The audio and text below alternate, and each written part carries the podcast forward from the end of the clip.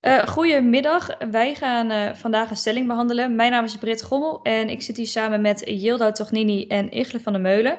En wij gaan vandaag um, een podcast opnemen over of het nut heeft om beoordelingsinstrumenten in te zetten bij het niveau 1 en 2 op het MBO. En uh, wij geven volgens mij allemaal wel eens les of hebben ervaring in het lesgeven op, aan het niveau 1 en 2. En um, uit mijn ervaring gebruiken wij op mijn stageschool of uh, uh, gebruiken wij geen beoordelingsinstrumenten. Maar ik ben wel nieuwsgierig of dat werkzaam zou zijn voor deze studenten. Um, Yildau of Igle, gebruiken jullie daar instrumenten voor? Of hebben jullie daar nou, al Er iets? wordt niet vanuit het Noorderpoort, uh, zover ik weet, laat ik het staan, want het is nu een half jaar dat ik hier ben, directe beoordelingsformulieren of instrumenten hiervoor gebruikt. Wel worden de studenten um, nou ja, beoordeeld op hun aanwezigheid in de groep kunnen meekomen. Hun, uh, hoe heet dat? Hun inzet tonen binnen de les. En dat is vooral uh, gericht op fysiek, dus vooral participatie en je inzet daarin. En thuis online wordt er vooral, als ik kijk naar mijn beoordeling, um, wordt het van mij, vanuit mijn kant verwacht dat studenten aanwezig zijn binnen de teams, maar ook actieve deelname.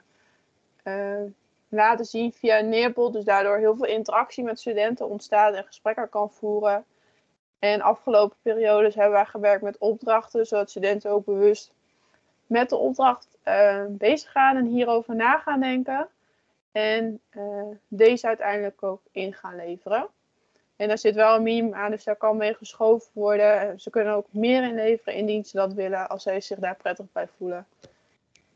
En vooral met het doel dat het hun iets oplevert. Ja, Ik vind precies. het wel, wel een mooie, mooie uitleg van jou inderdaad, Jilde, dat je nu zegt. Um, ja, het beoordelen binnen niveau 2, 1 en 2 is natuurlijk anders dan niveau 3, 4. 1 en 2 ja. zitten heel veel mensen ook uh, uit uh, andere landen bij, gebrekkig Nederlands spreken, hebben andere culturen, andere gebruiken. Dus ik denk überhaupt dat we moeten kijken naar het woord beoordelen. Hier in Nederland ligt het beoordelen altijd al vrij snel op cijfers geven, voldoende of onvoldoende geven. En ik denk dat dat voor hen al uh, iets nieuws is, hè, dat je überhaupt wordt beoordeeld. Aan de hand van het uh, beoordelingssysteem wat we hier in Nederland hebben. Ik denk dat we al lang blij moeten zijn als ze er zijn. dat ze hun spullen voor elkaar hebben.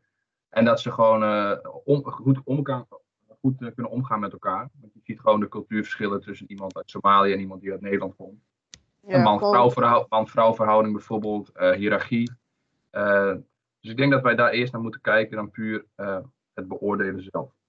Ja. Ja. dus jij speelt dan ook zeg maar meer in op de interactie tijdens de les, het waarderen dat ze er zijn, in plaats van dat je ze lappen met opdrachten geeft. Want vooral online, ik weet niet of jullie dat ervaren, raak je ze gewoon al heel snel daarin kwijt. Omdat dit al allemaal nieuw is. Ja, nou ja, daar hebben wij dus ook wel. Uh, wij, doen, wij gebruiken eigenlijk dezelfde methode in op het Alpha College. Um, Alleen uh, niveau 2 sluit bij ons wel aan bij uh, burgerschap, bij uh, vitaal burgerschap. Ja, dat betekent dat zij samen sporten met, met niveau 3 en 4. Dus daarin wordt niet echt beoordeeld qua cijfer, wat uh, Echle net heel mooi vertelde. Dus geen cijfers geven of voldoende onvoldoende. Maar zij worden wel op dezelfde manier, zeg maar, daarin dan een soort van behandeld als niveau 3 en 4 door middel van uh, wel doelen stellen in de les en uh, voor jezelf echt um, ontwikkeling maken. Uh, dus beoordeel ik niet echt, maar ik ben wel nieuwsgierig of dat misschien wat zou helpen. Maar wij werken ook niet echt heel op motorisch vlak, dus we zitten niet heel erg. Um, wij gaan geen cijfers geven hoe goed iemand een handstand kan of hoe goed iemand kan ringzwaaien. Dus wat dat betreft zitten wij niet echt op het beoordelen. Maar je zou misschien, wat wel interessant zou zijn, misschien beoordelen bij niveau 1 en 2 op bijvoorbeeld samenwerken. Van uh, gewoon af en toe een keertje een vragenlijstje invullen van, nou ja, hebben we samengewerkt? En dat ze daar dan een soort van, een, um, nou, ik weet niet zo goed wat voor beoordeling, misschien met kleuren. Uh, groen is goed en rood is minder goed bijvoorbeeld. Dat ze daarop beoordeeld worden. Maar is het dan meer een beoordeling of is het meer een reflectie op eigen handelen, hoe zij het hebben ervaren? Ja, dat zou dan misschien toch wel meer een reflectie zijn. Maar dan wel iets om te kijken hoe, daar, uh, hoe zij daarin staan en hoe, uh, hoe vaardig ze daarin zijn. Ja. Dus niet in, aan de hand van cijfers. Ik ben daar sowieso minder voorstander van. En terugkomend op de stelling, hè, is er een beoordelingssysteem voor niveau 1 en 2? Dus het moet eigenlijk de vraag zijn, is dat überhaupt nodig? Moet er een beoordelingssysteem zijn binnen niveau 1 en 2? Wat vinden jullie?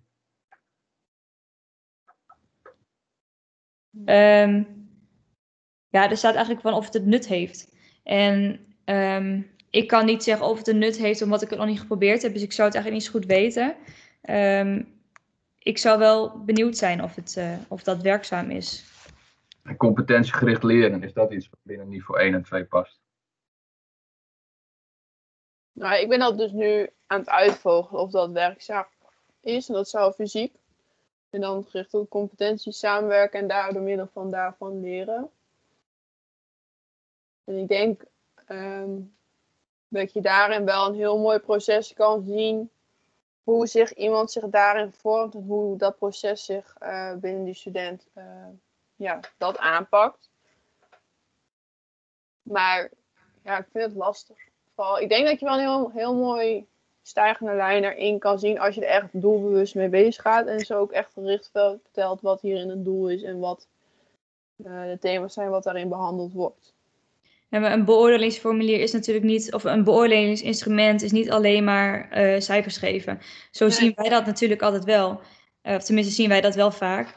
Alleen je kan ook jezelf beoordelen op je. Ja, precies. Dus een reflectie op jezelf. Ja, een soort van, ja, een soort van reflectie. Ja. Maar dat is ook een beoordelingsinstrument om te kijken hoe je het zelf doet. Ja. Dus ik denk dat dat ergens best wel werkzaam kan zijn bij die studenten. Omdat zij natuurlijk ook. Um, nou ja, ik denk dat er heel weinig gevraagd wordt naar hun. Uh, hoe zij het zelf vinden gaan. Of uh, dat zij weinig reflecteren op zichzelf. En ja. binnen het sportonderwijs kan dat natuurlijk op een hele laagdrempelige manier. Ja, ik denk dat digitale middelen daarin ook heel mooi zijn. Dat je echt een proces kan weergeven van hoe zij zich hierin hebben ge- uh, laten groeien. Ja. Dat je echt het uh, ook kan aantonen richting hun. Of misschien elkaar beoordelen. Uh, en dat niet per se op motorisch vlak. Ja, ja, het beoordelen. Ik zat te denken, gaan we dat alleen op, uh, op samenwerken doen? Of ook op motorisch vlak of cognitief vlak? Nou ja, ik zou dat minder op uh, motorisch doen. Ik zou dat um, meer op, uh, op cognitief of, uh, of dat sociaal-emotionele vlak gaan doen. En daar kan je elkaar ook mooi op beoordelen. Ik heb gisteren een les meegemaakt met Gerry, van, uh, Gerry Mulder. En hij heeft, doet een mooi onderzoek naar taalbarrières bij, binnen de N3 en NT2 onderwijs. En um, daarna gingen ze dus echt met elkaar, gingen ze dus bijvoorbeeld een spel doen. Dan moesten ze plaatjes bij elkaar gaan zoeken. En dat ging dus over de gymzaal. Dat je een basket heb je een foto van een basket en je hebt een foto van een basketbal. En dan moest je dus dat bij elkaar neerleggen dat je basketbal. En dan moesten ze dat met elkaar doen. En uiteindelijk gingen ze dan een formuliertje invullen van hoe ze het vonden gaan. En, uh, of ze het idee hadden dat ze wat geleerd hadden. En eigenlijk is dat ook gewoon een hele simpele methode om um, cognitief aan het werk te gaan over de sport. Maar ook uiteindelijk te beoordelen over wat ze de, uh, of ze dat van geleerd hebben. En betekent niet dat ze daar dan een cijfer op moeten krijgen. Maar het is wel een soort van het is wel een soort van beoordeling. Het is een reflectie op wat ze, wat ze geleerd hebben. Of ze bewust zijn wat ze geleerd hebben. Ja. Oké, okay, dus als we het even uh, gaan samenvatten. Um, zijn we het erover eens dat uh, niveau 1, niveau 2 anders beoordeeld moet worden. Maar dat we überhaupt moeten gaan kijken naar het woord beoordelen. Het moet simpel zijn. Visueel wellicht ook wel. Hè, dus de instructie moet kort zijn, moet duidelijk zijn. En wellicht moet je de ja, niveau 1 en niveau 2 uh, studenten beoordelen op de begripsvorming überhaupt van het vak gymonderwijs. Dat wat wij hier verstaan in Nederland onder gymonderwijs, dat je dat wellicht overbrengt uh, bij niveau 1 en niveau 2. Ja. ja. Heb je nog aanvulling mooi, eraan? Nee, ik denk dat je het heel mooi samen hebt gevat hierin. Ja. ja. En ik denk zeker wat Jol ook terecht zegt, dat digitale middelen hierin een, een hulpmiddel in kunnen zijn. Dat ze elkaar zelf gaan beoordelen, dat ze elkaar um, gaan beoordelen. Puur op wat hun handelen is. En inderdaad niet op motorisch vlak, maar meer op cognitief vlak. Hè. Snap je wat de bedoeling is? Snap je wat je moet doen? Snap je wat basketbal is? Dat dat in ieder geval helder is. En sociaal-emotioneel kunnen samenwerken met elkaar. En met name ook uh, het omgaan met elkaar en op de juiste manier zoals wij dat hier gewend zijn. Ja. Nou. Ik denk dat het heel mooi eh, bij elkaar aansluit hoe jij dat zegt. Nou, dit was eh, de podcast, podcast van eh Brit, Yildo en Igle. Met als thema hoe je moet beoordelen, of überhaupt of je moet beoordelen, binnen niveau 1 en 2 binnen het MBO.